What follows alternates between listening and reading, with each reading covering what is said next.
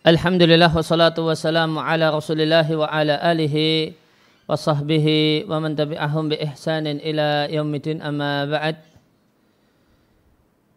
Kaum muslimin dan muslimah rahimani wa rahimakumullah kembali kita lanjutkan kajian tentang adab ngobrol dan berbicara. Dalam kesempatan kali ini kita akan eh, membahas poin yang ke-28 seputar adab komunikasi melalui handphone. Maka di antara kesalahan dan kekeliruan dalam eh, dalam ngobrol adalah at-taqsiru fi adabil hatifi adalah kecerobohan dalam menerapkan adab bertelepon. Catatan kaki tiga. Eh, al-hadisu bahasan fi hadil faqrah di poin ini aksarhum mayoritasnya diambil atau disadur dari kitab Adabul Hatib karya Syekh Bakar Abu Zaid rahimallahu taala. Nah, ada satu buku tipis yang menarik ya, yang berjudul Adabul Hatif karya Syekh Bakar Abu Zaid eh, rahimallahu taala Ya, bukunya bisa di-download di internet. Dan bihamdillah uh, uh, buku ini pernah uh, saya bacakan. Dan ada rekamannya bisa di ya, bisa disimak di www ada rekaman rekaman kajian membacakan kitab Adabul Hatib karya Sebakar Abu Zaid rahimallahu taala. Fal hatib maka telepon di masa ini yu'addu dinilai dihitung sebagai sarana itisal, sarana komunikasi, safawian, lisan yang paling penting dan yang paling cepat. Fahuwa maka telepon itu memberikan kepada dua orang yang berkomunikasi fursa kesempatan untuk al-idah menjelaskan maksud bila inain tanpa susah payah wala mukatabah tanpa harus nulis panjang. Ya, maka ini satu nikmat karena betapa banyak fidalika dengan hal ini min, min taufirin lil juhdi. Menjadi uh, efisiensi tenaga. Karena tidak perlu uh, harus bersusah payah pergi jauh. Demikian juga efisiensi waktu, demikian juga efisiensi harta. Dan uh, mewujudkan dan memenuhi apa yang di al-matlub, yang dituntut, yang dicari bi aksari waktin dengan waktu yang paling singkat. Dan dengan dengan sebab telepon maka hilanglah masyakoh, kesusahan, kegiatan pergi dan pulang. Bahkan kegiatan safar. Nggak perlu safar karena cukup diselesaikan dengan telepon. Li umurin untuk berbagai hal yang tukda bisa diselesaikan dengan menggunakan telepon wadilal hamdu wal minnah. Maka ini satu hal yang merupakan nikmat. Hada, hada demikian dan telepon memiliki sejumlah adab yang dituntut untuk dilaksanakan oleh dua belah pihak. Ya, orang yang menghubungi dan orang yang dihubungi. Meskipun sebagian adab itu lebih ditekankan pada aspek al-muttasil orang yang menghubungi. Karena orang yang menghubungilah dialah orang yang meminta. Dan orang yang meminta untuk berkomunikasi dia mirip-mirip statusnya dengan asail orang yang meminta bantuan. Cuma ini meminta waktu kalau itu minta harta, maka posisinya itu uh, lemah dan posisi yang lemah ini tidaklah dia tutupi bihusnil adabi dengan adab yang baik. Dan satu hal yang yulahadu bisa terlihat dengan jelas anna hunaka taksiran kabiran ada kecerobohan besar berkenaan dengan adab telepon. Di antaranya halaman 62 Wa min madahir di antara bentuk real hal itu sebagai berikut. Yang pertama kurang peduli dengan sihati rokmil matlubi. Ketepatan nomor yang mau dihubungi.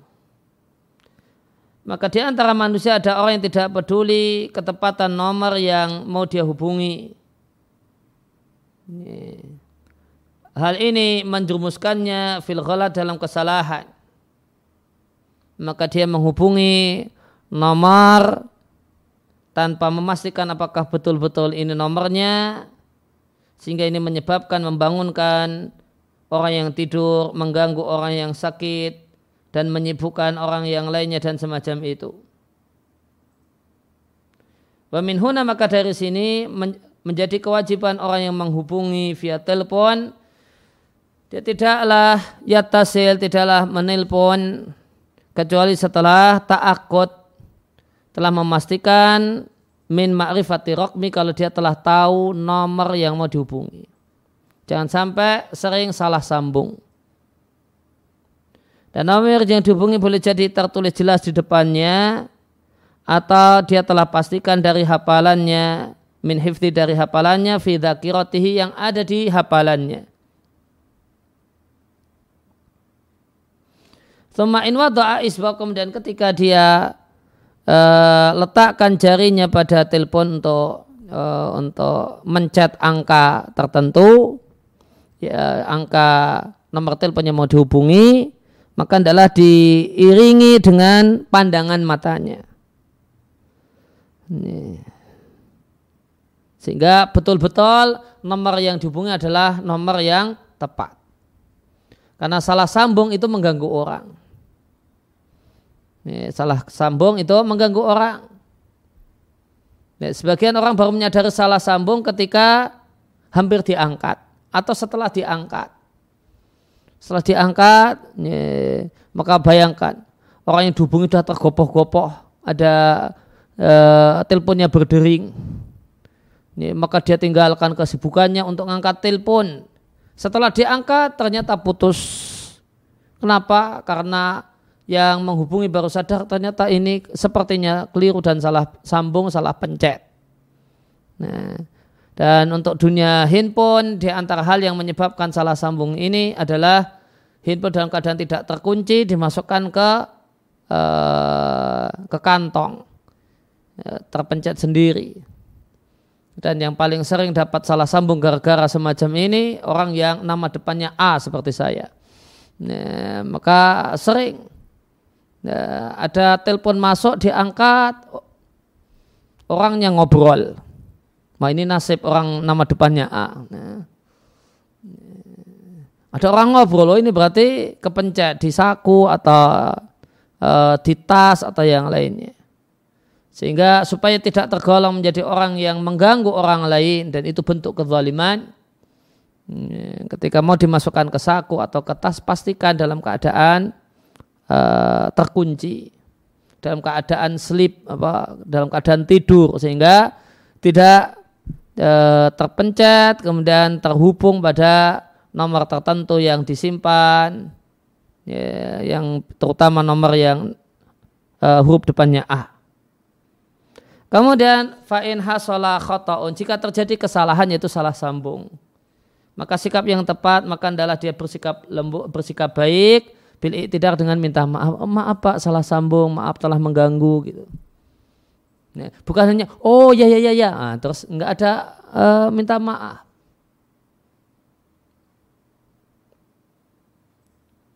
Ya, maka minta maaf itu ya uh, kalimat pendek nggak dan nggak butuh tenaga yang banyak namun satu adab yang tinggi.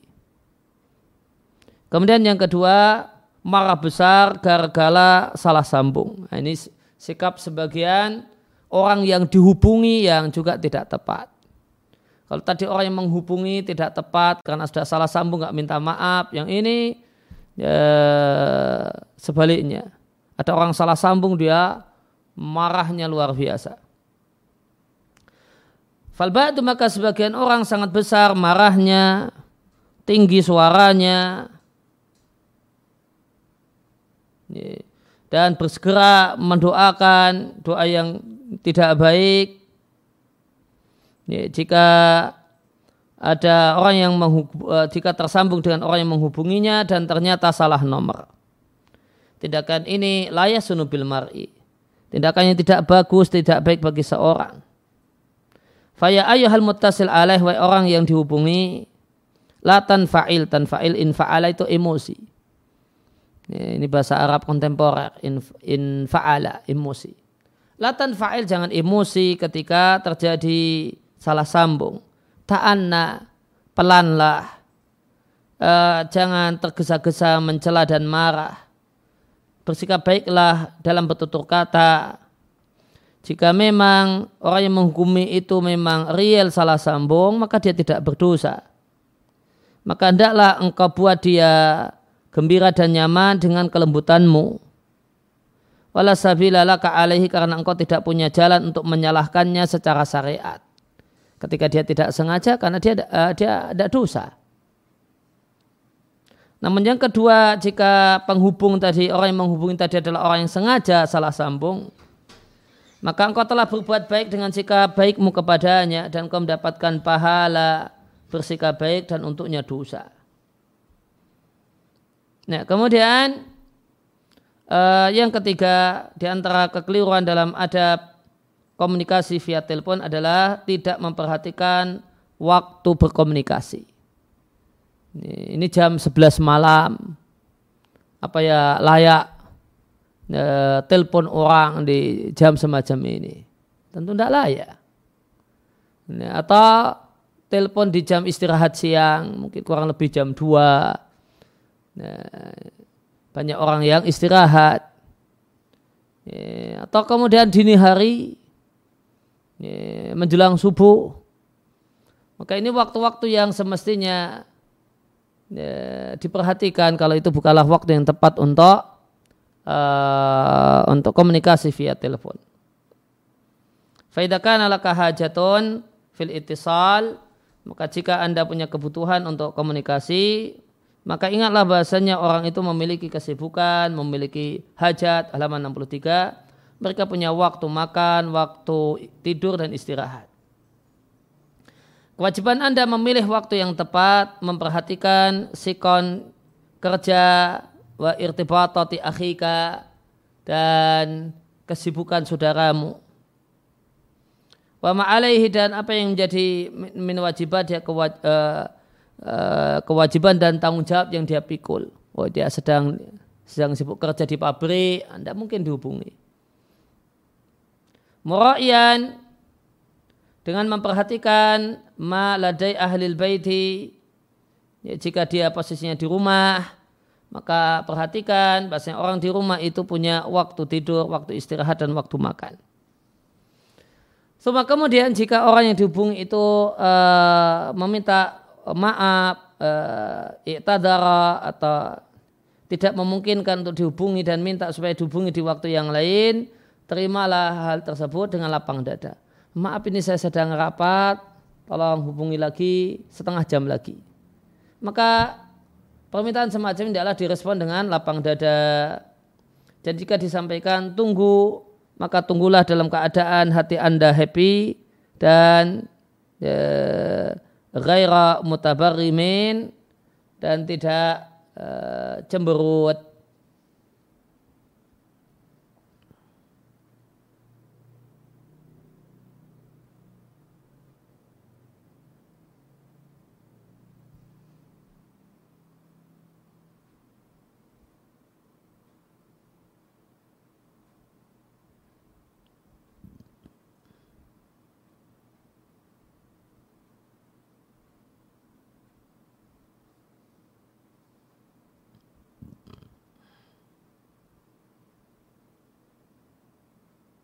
menunggu dengan tabaroma artinya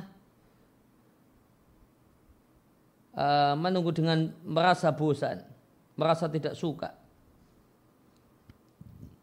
Nah. Kemudian hukum uh, memperhatikan komunikasi ini ya, memperhatikan waktu ini fi ghairil amakin maftuhah. Ya, manakala yang ditelepon adalah nomor-nomor pribadi, ya, bukan nomor-nomor yang umum yang itu hotline alal madar terbuka madar sepanjang 24 jam malam dan siang. Ya, tapi kalau eh, komunikasi ke nomor yang memang di situ hotline eh, terbuka selama 24 jam tentu tidak masalah. Ketentuan di atas berlaku untuk nomor-nomor pribadi. Kalau yang nomor yang terbuka 24 jam tidak masalah semacam hotel, darut takjir lil musafirin, tempat-tempat singgah yang disewakan bagi musafir wa man fi hukmihim dan orang yang statusnya seperti itu. Terbuka 24 jam. Kemudian di antara hal yang tidak tepat dalam komunikasi via handphone adalah atau via telepon adalah berlama-lama ngobrol tanpa ada keperluan yang mendesak. Ya, walimikjas parameter dalam masalah ini adalah bahasa setiap sikon punya perkataan dan setiap perkataan punya ukuran yang tepat. Maka waspadailah cerewet banyak ngomong, imlal bikin bosan, wal itolah berlama-lama, wa iskal dan membuat tidak nyaman karena berlama-lama. Kemudian yang lainnya yang di antara adab yang tidak baik atau sikap yang tidak tepat ya, saat menghubungi ini adalah kilatul iktidat eh, sedikit atau jarang iktidat menganggap untuk mengucapkan salam yang semestinya dilakukan oleh pihak yang menghubungi. Adalah dialah yang mengucapkan salam di awal pembicaraan wa nihayatan dan di akhir pembicaraan. Maka di antara manusia ada orang yang tidak peduli untuk mengucapkan salam saat melakukan komunikasi baik di awal ataupun di akhir. Sebagian lagi mengganti ucapan salam Islam yaitu Assalamualaikum dengan yang lainnya berupa ucapan-ucapan salam yang lain semacam selamat pagi ya, ya, baik dengan subahul khair atau subahul nur atau mengatakan halo bagaimanakah kabarnya? dan semacam itu. E, kalimat-kalimat ini tidak boleh kalau dia menggantikan ya, ucapan salam. Tapi boleh jika uh, melengkapi ucapan salam. Artinya assalamualaikum. Waalaikumsalam, apa kabar Bapak? Nah, ini tidak Bapak. Assalamualaikum, Waalaikumsalam, selamat pagi Pak. Nah, Bapak. Tapi kalau mengge uh, menggeser dan menghilangkan, nah ini yang tidak boleh. Wafihada dalam tindakan ini ibtiat menjauh diri dari sunnah ajaran Nabi dan menggantikan sesuatu yang yang lebih baik diganti dengan adna sesuatu yang jelek atau sesuatu yang kurang baik. Kemudian eh, selanjutnya adalah sukutul mutasil orang yang menghubungi itu cuma diam saja. Idza rufiat asamaah jika telepon sudah diangkat. Pihak sana sudah mengangkat, ini yang nelpon cuma diam saja malah menuntut orang yang dihubungi supaya yang membuka pembicaraan. Ini tidak tidak benar. Karena yang meminta waktu itu siapa? Yang berhajat itu siapa? Yang berhajat kan orang yang menghubungi. Maka dialah yang punya kewajiban untuk uh, membuka komunikasi terlebih dahulu. Maka di antara orang yang menghubungi via telepon ada orang yang cuma diam jika telepon telah diangkat Eh, dia diam sampai orang yang dihubungi itu berbicara. Halaman 64. Wafihata sikap ini dia menunggu orang yang dihubungi yang berbicara. Ini adalah ikhlalunil adab. Ya, merusak adab, tindakan yang tidak beradab dari beberapa sisi. Yang pertama, menyelisih ajaran Nabi. Bahasanya orang yang meminta izin, orang yang datang, itulah yang memulai mengucapkan salam. Karena orang yang menelpon itu adalah orang yang datang. Orang yang ditelepon itu orang yang didatangi. Orang yang menelpon adalah orang yang meminta izin untuk masuk. Dalam ini meminta izin untuk diberi waktu. Dan adabnya yang meminta izin, yang datang itulah yang mengucapkan salam. Kemudian yang kedua, orang yang menghubungi lewat telepon adalah atalib, orang yang meminta. Dialah yang berkewajiban untuk segera mengucapkan salam.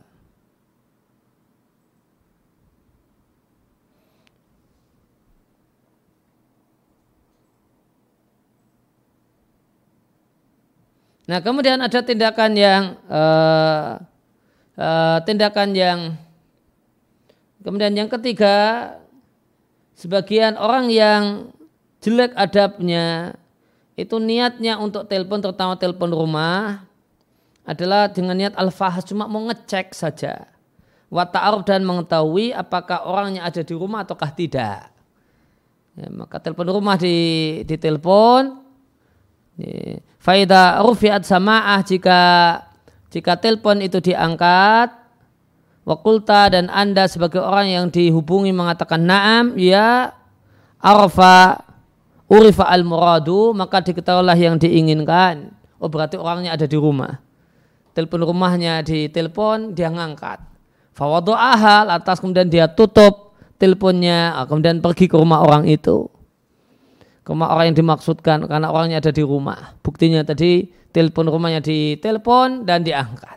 Nah ini ngerjain orang ini nah, ini tindakan ngerjain orang. Semestinya ya ketika diangkat ya ya, ditindaklanjuti dengan buka obrolan meskipun sekedar mengatakan maaf pak saya ingin bertamu apakah bapak ada di rumah? Bolehkah saya datang saat ini? Gitu. Oh ya silakan saya tunggu. Nah, oh ya pak saya tutup dulu teleponnya saya ke rumah bapak. Nah, demikian semestinya kemudian di antara adab yang buruk dalam komunikasi via uh, via telepon adalah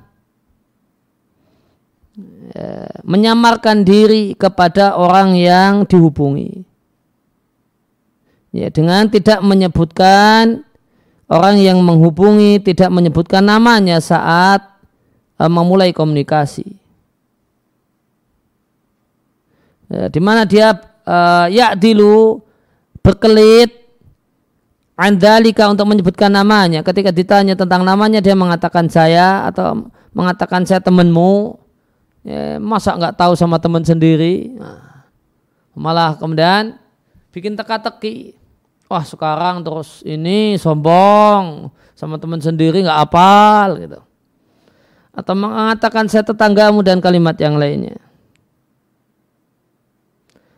Pemada alika apa sih beratnya wahai orang yang menghubungi Anda mengatakan saya fulan, al-fulani atau dengan kata-kata yang yu'arif memperkenalkan sosok dirimu ingdahu pada orang yang dihubungi. Demikian juga di antara bentuk takmiyah menyamarkan diri adalah pakai nama Abu Fulan, Ummu Fulan. Dan dia tidak terkenal dengan nama tersebut. Dia tidak terkenal dengan nama itu. Boleh memperkenalkan diri dengan Abu Fulan. Manakala uh, orang itu di lingkungannya, di masyarakatnya terkenal dengan sebutan itu. Seperti Abu Hurairah, Abu Bakar. Orang kenalnya Abu Hurairah, orang kenalnya Abu Bakar. Kalau disebutkan nama aslinya malah itu jadi takmiyah, jadi mengaburkan diri dan menyamarkan diri. Non kalau yang kenal Abu Fulan itu cuma satu dua temennya, keluarganya, tetangga-tetangganya tidak kenal kalau ditanyakan di situ Abu Fulan uh, ada di rumah ndak? Tetangganya, oh siapa Abu Fulan?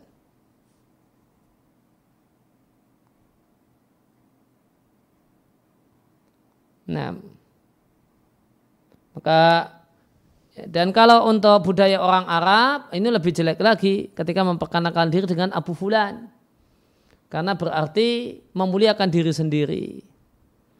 Ya, memuliakan diri sendiri karena uh, kunyah itu untuk menghormati orang lain. Bukan untuk uh, memuliakan diri sendiri.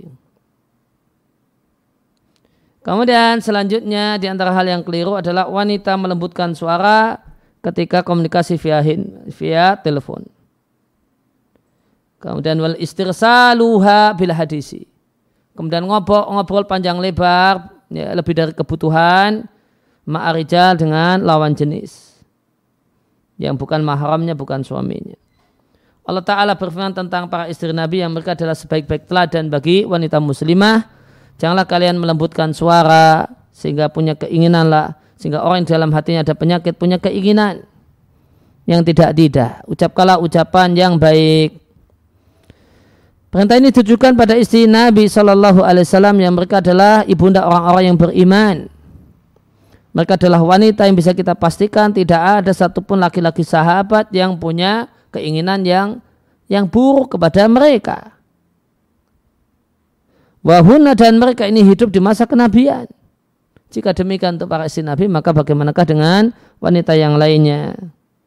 Maka terlarangnya wanita selain istri Nabi untuk melembut-lembutkan suara itu mimbabil aula lebih-lebih lagi. Halaman 65. Maka bertakwalah kepada Allah wahai wanita-wanita yang beriman. Ucapkan ucapan yang baik. Fil khair dalam kebaikan. Artinya bila takhim tanpa dilembutkan wala tamtid tanpa dipanjang-panjangkan ya tanpa manja-manja kalau dipanjangkan itu kan bahasa perempuan untuk manja. Enak. Misalnya dipanjangkan. Wala tamtid maka jangan dipanjang-panjangkan. Itu uh, ada uh, bicara wanita dengan uh, lawan jenisnya. Maka wanita tidak boleh berbicara dengan lawan jenis sebagaimana dia berbicara dengan suaminya. Dengan bahasa-bahasa manja. Uh, wa idza kana yahrumu 'alal mar'ati jika ba, uh, jika melembutkan suara itu haram dilakukan oleh wanita maka demikian juga haram bagi laki-laki mendengar suara wanita bitaladudin dengan menikmatinya. Meskipun suara itu adalah suara wanita membaca Al-Quran. Dan jika seorang wanita menyadari hal tersebut adalah laki-laki yang menikmati suaranya haram baginya untuk melanjutkan pembicaraan bersamanya karena lima yada'u ilaihi minal fitnah karena fitnah yang uh, yada'u ilaihi yang didorong oleh perkataannya. Kemudian yang lainnya dari berkenaan dengan ada berbicara, ada komunikasi dengan telepon adalah mengganggu orang lain dengan berita bohong atau hoax. Ya. Maka di antara manusia ada orang yang nadoba ma'ul haya'u fi wajhihi. Mungkin habis mungkin.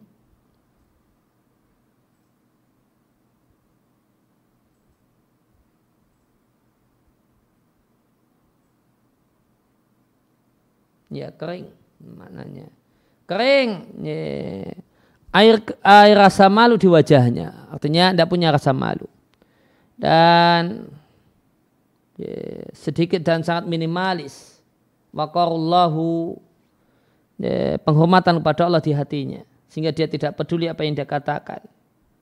Dia tidaklah uh, apa, memuliakan dirinya untuk menjauhi tindakan min. Minnya di sini untuk menjauhi tindakan membuat takut kaum muslimin.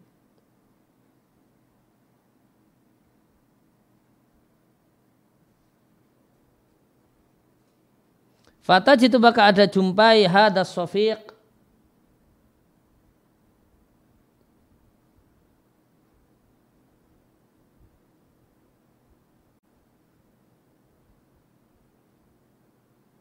Sofiq uh, orang yang tidak punya rasa malu Ya tasilu menghubungi ya, cuma untuk ngerjain orang saja. Menghubungi sebagian rumah kemudian mengatakan terjadi pada anakmu hadisun kecelakaan lalu lintas, kecelakaan mobil lantas mati atau anakmu sekarang dalam keadaan kritis dan semacam itu. Dan ini cuma uh, cuma untuk mainan. Nah, ini kan betul-betul ngerjain orang. Dia cuma main-main. Ya, di Saudi demikian. Kalau di tempat kita ya memang ini penipu, mau cari uang.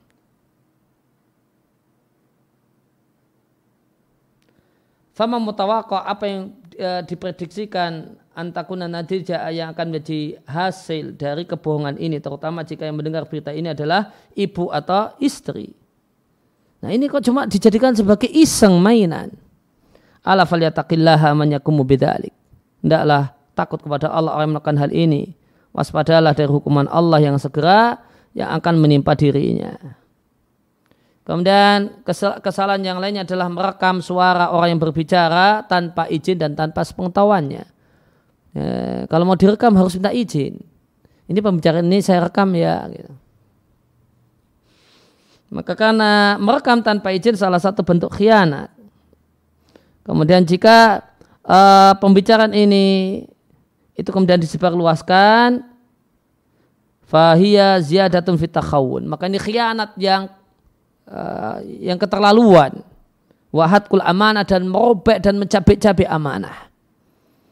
Ya, di antaranya adalah uh, men, men SS pembicaraan ya, tanpa izin ini masuk di sini. Uh, bikin screenshot obrolan chat pribadi, japri atau DM uh, tanpa izin orang yang diajak bicara. Dan lebih jelek lagi ketika disebarluaskan padahal di situ ada hal yang sensitif, ada hal yang bersifat rahasia. Nah. Maka ini khianat yang sangat khianat. Kemudian muakasat al-hatifiyah. Ini uh, muakasat hatifiyah terkurang lebih telepon-teleponan. Nah. Dalam hal ini telepon-teleponan yang dimaksudkan adalah lawan jenis. Maka eh, apa menelpon tentu beda dengan telepon-teleponan. Famina safala maka di antara orang yang rendahan, orang rendahan, orang yang tidak punya rasa malu, orang yang tidak punya takwa, ada orang yang menghubungi satu rumah dengan memanfaatkan kepergian kepala rumah tangga suami atau ayah. Halaman 66 uh, eh, dia jadikan kepergian uh, suami atau kepala rumah tangga ini sebagai kesempatan. Allahu barangkali dia mendapatkan orang yang yastadrijuhu ila safalatihi. Orang yang bisa dia bawa untuk uh, mengikuti kejelekannya, untuk mengikuti keburukannya.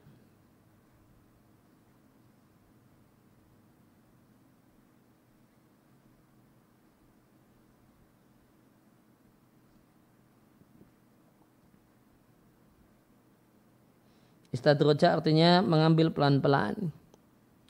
Wa minal khalwah. Maka ini adalah di antara bentuk uh, berduaan, ya, berduaan di dunia maya atau sabilun ilaiha atau jalan menuju berduaan yang terlarang. Wa minhum di antara mereka, ini kasus di Saudi ya. Uh, wa minhum man ada orang yang memanfaatkan wanita yang tidak bersalah Filkam dijak ngobrol, kemudian suaranya direkam, kemudian hal itu dijadikan sebagai dari atan jalan untuk mengancamnya dan memperdengarkan kepada kerabat-kerabatnya suara wanita itu jika si wanita tidak mau merespon positif tuntutannya dan permintaannya. Maka perbuatan semacam ini dan yang semisal dengannya adalah haram, dosa dan satu hal yang junah dosa pelakunya layak untuk mendapatkan hukuman dan dikhawatirkan orang tersebut akan tertimpa uh, satu hukuman yang mengotori wajah kehormatannya.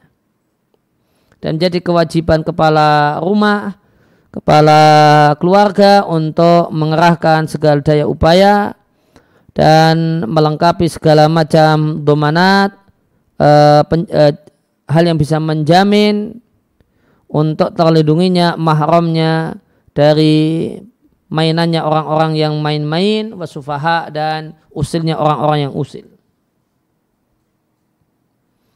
Wa min hadil asbab di antara kiatnya ini terutama ketika zaman telepon rumah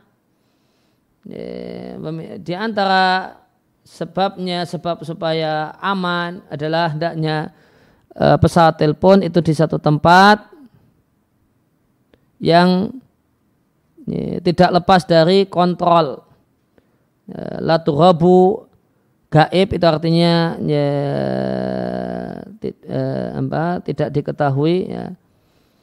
atau ya, gaib ya pergi nggak ada gitu la tughabu anhu riqabah baitiyah pengawasan rumah jadi dalam posisi yang dalam kondisi yang selalu terawasi Ma plus man'i terlarang berbilangnya pesawat telepon, telepon rumah.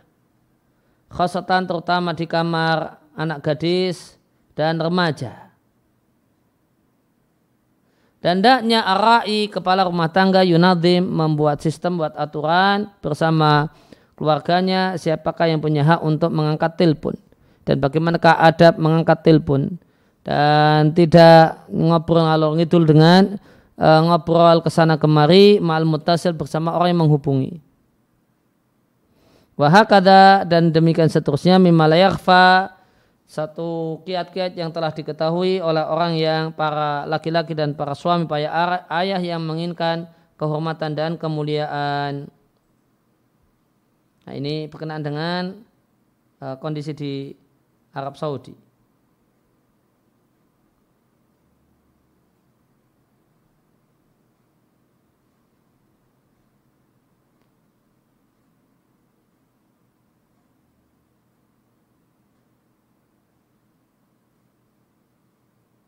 Atau muakasah hatifiyah kalau di kamus da'abaha guyon-guyon secara berani. Guyon-guyon berani pakai telepon. Kenapa? Karena uh, uh, orang tuanya tidak ada. Yeah. maka uh, tadi di beliau sampaikan guyon-guyon Ya, berani guyon-guyon dengan lawan jenis di media-media ini di beliau nilai naun min khulwah, bagian dari berduaan atau jalan menuju khulwah yang terlarang. Ya, kalau berkenaan dengan kondisi di tempat kita ke Indonesiaan maka uh, yang uh, yang catatan yang penting adalah uh, mbak bicaralah seperlunya bicara seperlunya dan hindari guyonan dengan ketika berbicara dengan lawan jenis. Kurang lebih demikian. Ya demikian yang kita baca kita telah kesempatan kali ini wasallallahu ala nabiyina Muhammadin wa ala alihi washabihi alamin. Baik Ustaz, ada beberapa pertanyaan yang telah masuk ke kami yang akan kami bacakan. Yang pertama, Bismillah. Assalamualaikum Ustadz. Waalaikumsalam warahmatullahi. Izin bertanya terkait adab mengobrol dalam telepon. Misal ada dua orang sahabat yang jarang sekali berkomunikasi, sekalinya bertelepon bisa dari ba'da isya hingga larut malam. Dan yang dibicarakan hanyalah nostalgia di masa lalu apakah boleh dilakukan meskipun keduanya sudah sangat dekat dan sama-sama ridho untuk bertelepon larut malam? Atau bagaimana Ustadz? Mohon penjelasannya. Jazakallahu khairan. Ya uh, tindakan tersebut layam bari satu hal yang tidak sepatutnya. Ya, bisa berjam-jam telepon untuk nostalgia. Ini buang-buang waktu. Ini buang-buang waktu. Alangkah dan yang dan hal apalagi jika hal ini tidak bisa dilakukan kalau sama istri. Bisa ngobrol ya, bisa ngobrol panjang sama kawan sama istri ngobrolnya pendek-pendek. Nah, ini lebih-lebih lagi lebih-lebih lagi jeleknya. Ya, jika tidak maka minimal ini buang-buang waktu yang ya yang tercela. Nah. Baik berikutnya Ustadz Assalamualaikum warahmatullahi wabarakatuh. Waalaikumsalam warahmatullahi wabarakatuh. Izin bertanya Ustadz tentang bait syair di halaman 61. Halaman 61. Sebentar. Ap, ya.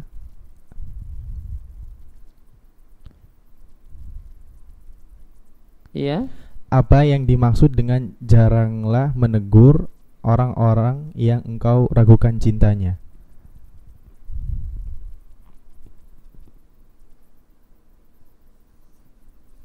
Aklil itaba man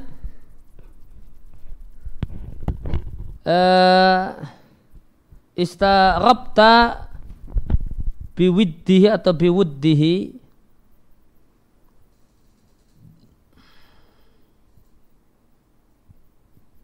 Laisa tunalu mawaddatu bi'itabi.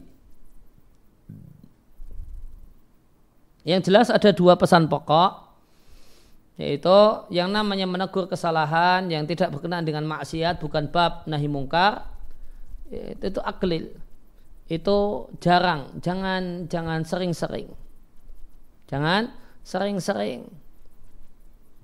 Kemudian sebagian orang beralasan bahasanya sering menegur itu karena cinta mau memperbaiki gitu. Supaya kamu lebih berkualitas gitu. Supaya kamu lebih bagus ya Nah, namun dengan cara demikian maka dikatakan oleh penyair lastan tanalu mawaddatun bi'itabi. Engkau tidak akan mendapatkan kecintaan uh, orang yang dengan banyak menegurnya.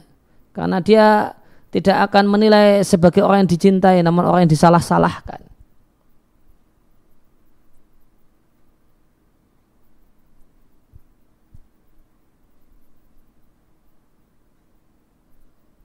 Uh, mungkin ini istarabta bi biwuddihi yang engkau mencari-cari keraguan cintanya. Mungkin. Mungkin terjemahnya demikian. Engkau mencari-cari keraguan tentang cintanya.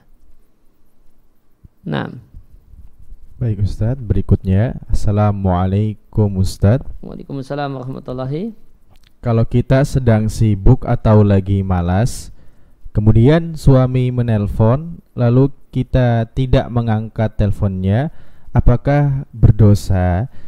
Kemudian antara suami yang menelpon dan orang tua yang menelpon, mana yang saya dahulukan? Uh, antara sama-sama misalnya punya dua handphone satu kemudian suami nelpon kemudian kedua uh, handphone yang satu atau telepon rumah orang tua yang nelpon dahulukan uh, menerima telepon suami. Hak suami bagi seorang istri itu lebih besar daripada hak orang tuanya. Kemudian yang kedua uh, ketika tahu tidak boleh. Ya, maka perlu dikatakan di antara bentuk durhaka terhadap orang tua orang tua nelpon kemudian tidak diangkat tanpa alasan. Alasannya sekedar uh, lagi nggak minat ngobrol sama ibu, nah, misalnya. Ini tidak boleh. Ini bentuk kedurhakaan di zaman ini, di zaman uh, zaman telepon. Ya, maka wajib diangkat jika memang ada kesibukan meminta pemakluman. Maaf bu ada rapat gitu. Atau kalau tukang isi pengajian, maaf bu ini mau ada pengajian Bagaimana kalau kemudian teleponnya nanti habis eh, pengajian, nanti saya yang telepon saja jam sekian. Gitu. Maka ini bentuk di antara bentuk kedurhakaan kepada orang tua.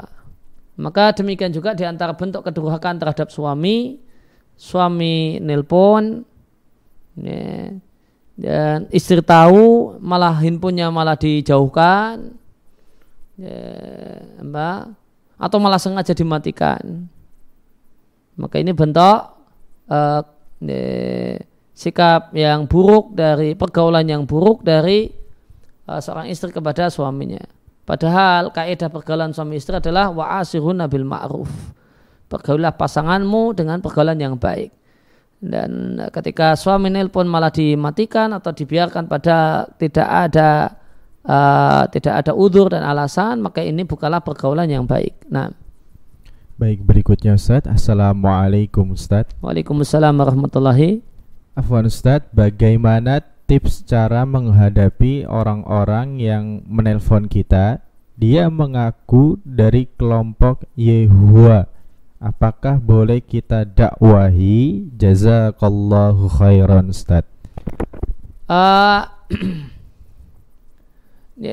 mendakwai orang yang punya uh, mendakwai kemudian apa orang yang punya kesesatan atau bahkan kekafiran atau bahkan orang kafir bukanlah satu hal yang mudah. Ya. Dan dakwah dalam masalah semacam ini lebih nyaman jika offline daripada buang-buang waktu dengan online. Oleh karena itu tidak saya sarankan untuk menanggapinya. Ya, jangan ditanggapi bahasa praktisnya di segera ditutup dan blokir nomornya. Nah. Baik Ustadz, berikutnya Assalamualaikum Ustadz Waalaikumsalam warahmatullahi Ustadz, di tengah pandemi COVID-19 ini, perkuliahan dilakukan via Zoom atau Google Meet. Bagaimana hukumnya seorang akhwat bertanya pada dosen sedang suaranya terdengar oleh teman-teman yang laki-laki dalam satu kelas tersebut? Ya, jawabannya boleh.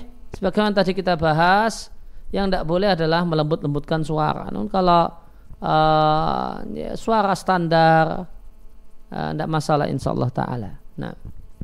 Baik Ustadz berikutnya Assalamualaikum Ustadz Waalaikumsalam warahmatullahi Bagaimana hukumnya merekam kuliah tanpa izin dengan tujuan untuk melengkapi catatan yang kurang dan hanya untuk keperluan pribadi Ya tidak boleh kecuali harus dengan izin uh, dari dosen terlebih dahulu. Nah. Baik Ustaz, berikutnya. Assalamualaikum Ustaz. Waalaikumsalam warahmatullahi. Izin bertanya Ustaz, apakah boleh melayani penipu yang menelpon lalu kita kerjai hingga membuatnya emosi? Ya, boleh insya Allah.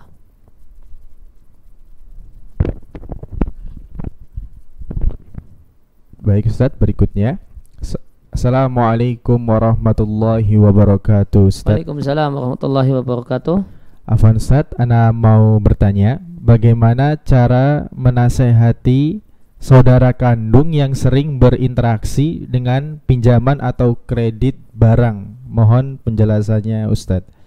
Ya, perlu dialog tentang kalau kreditnya itu kredit tanpa riba, bermudah-mudah hutang ya, bukanlah satu hal yang baik ya, sampaikan uh, bahaya berhutang dan keburukan berhutang dan jika uh, itu kreditnya kredit ribawi maka tambahkan lagi dengan bahaya riba.